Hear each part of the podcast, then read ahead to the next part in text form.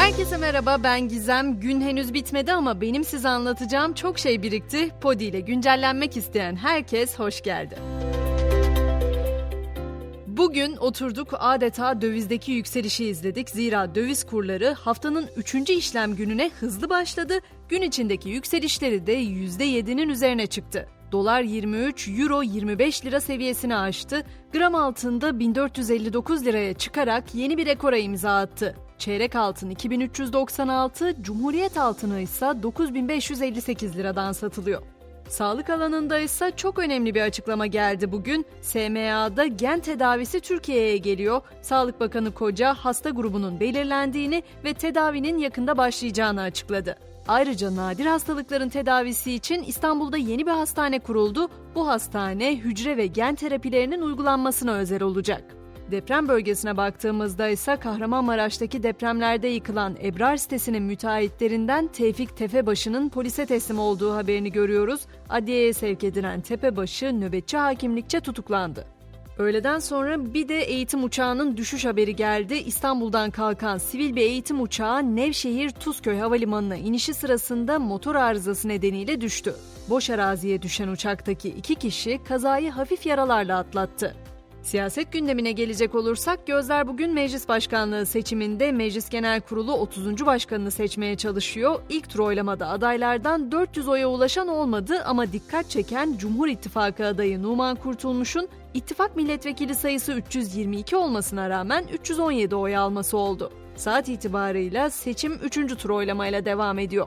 Siyaset bugün bir de İstanbul Büyükşehir Belediye Başkanı Ekrem İmamoğlu'nun açıklamalarını tartışıyor. 9 yılda 3 kez üst üste seçim kaybedildiğini belirten İmamoğlu, bu seçimden sonra da aynı şeyleri yapıp yol yürüme gafletine kapılamayız dedi ve değişim mesajını yineledi. Peki savaş hattında neler oluyor? Uzun zamandır bakmıyorduk oraya. Ukrayna'nın güneyinde bulunan Nova Kokalka Barajı'nın Rusya tarafından patlatıldığı belirtildi. Tüm şehir su altında kalmaya başladı. Bölgeden 15 bin kişi ise tahliye edildi. Teknoloji dünyasında da yine hemen hemen hepimizi ilgilendiren bir WhatsApp güncellemesi var. Uygulamaya mesaj düzenleme özelliği geldi ve WhatsApp mesaj düzenleme butonunu Türkiye'deki kullanıcılar için de aktif hale getirdi. Ayrıca WhatsApp HD fotoğraf gönderme özelliğini de test etmeye başladı. Bir sonraki durağımız Amerika. Eski bir istihbarat yetkilisi ABD'nin elinde insan kökenli olmayan ulaşım araçları olduğunu iddia etti. Bu kişi ABD düşen UFO parçalarından yola çıkarak yeni silahlar üretmeyi deniyor. Bu bulgular uzun yıllardır ABD Kongresi'nden gizli tutuluyor dedi ve ABD'ye UFO'lar hakkında açıklama yapma çağrısında bulundu. Üstelik eski istihbarat yetkilisinin açıklamaları farklı istihbarat yetkilileri tarafından da doğrulanmış durumda. Dünya dışı yaşam konusu belli ki artık sadece bilim kurgu filmlerinin konusu olmaktan çıkıyor. Bilim insanları James Webb Uzay Teleskobu'ndan alınan verileri inceleyerek dünyaya 12 milyar ışık yılı uzaklıkta bulunan bir galakside organik moleküller tespit etti. Karbon zincirlerinden oluşan bu organik moleküllerin yaşamın en erken biçimleri için temel yapı taşları olduğu belirtiliyor. Bu kadar çok başka gezegenlerin peşine düştüğümüze göre belli ki dünyamızı da yavaş yavaş yok ettiğimizi kabulleniyoruz. Zira iklim bilimciler Kuzey Kutbu için artık çok geç kalındığını, bölgenin buzsuz kalacağını açıkladı. Aşırı hava olayları için hazırlık yapılması istendi. Dünya bu kadar değişirken, iklim krizleri baş göstermişken doğa ve canlıların etkilenmemesi de tabii ki mümkün değil.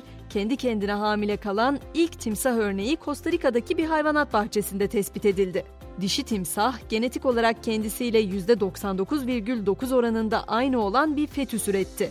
Bilindiği üzere bakire doğum denilen bu olay kuş, balık ve diğer sürüngen türlerinde daha önce tespit edilmişti ama timsahlarda ilk kez görülüyor. Trajikomik diyebileceğim bir olayla da spor dünyasına geçelim. Tarihinde ilk kez ikinci lige düşen Denizli Spor'da eski yönetici, futbolcular ve personel ödeme yapılmayınca yasal işlem başladı. İlk icra ise kulüp doktoru Edremit'ten geldi ancak haciz memurları kulübün üzerine kayıtlı para edecek bir şey bulamayınca çay içip geri dönmek zorunda kaldı. Hemen gecenin maçlarını da not düşelim. UEFA Avrupa Konferans Ligi şampiyonu bu akşam belli olacak. İtalya'nın Fiorentina ekibiyle İngiltere'nin West Ham United takımları arasında Çekya'da oynanacak final mücadelesi saat 22'de başlayacak. Süper Lig'de ise sezon bugün oynanacak 4 maçla sona eriyor. Öne çıkan mücadelede Beşiktaş saat 20'de Konya Spor'la karşılaşacak. Ve biz de böylece güncellenin sonuna gelmiş oluyoruz. Bu akşamın mottosu Confucius'ten güzel bir yüzü sevdiği kadar ahlakı seven bir kişi görmedim diyor. Yarın sabah yeniden görüşünceye kadar şimdilik hoşçakalın.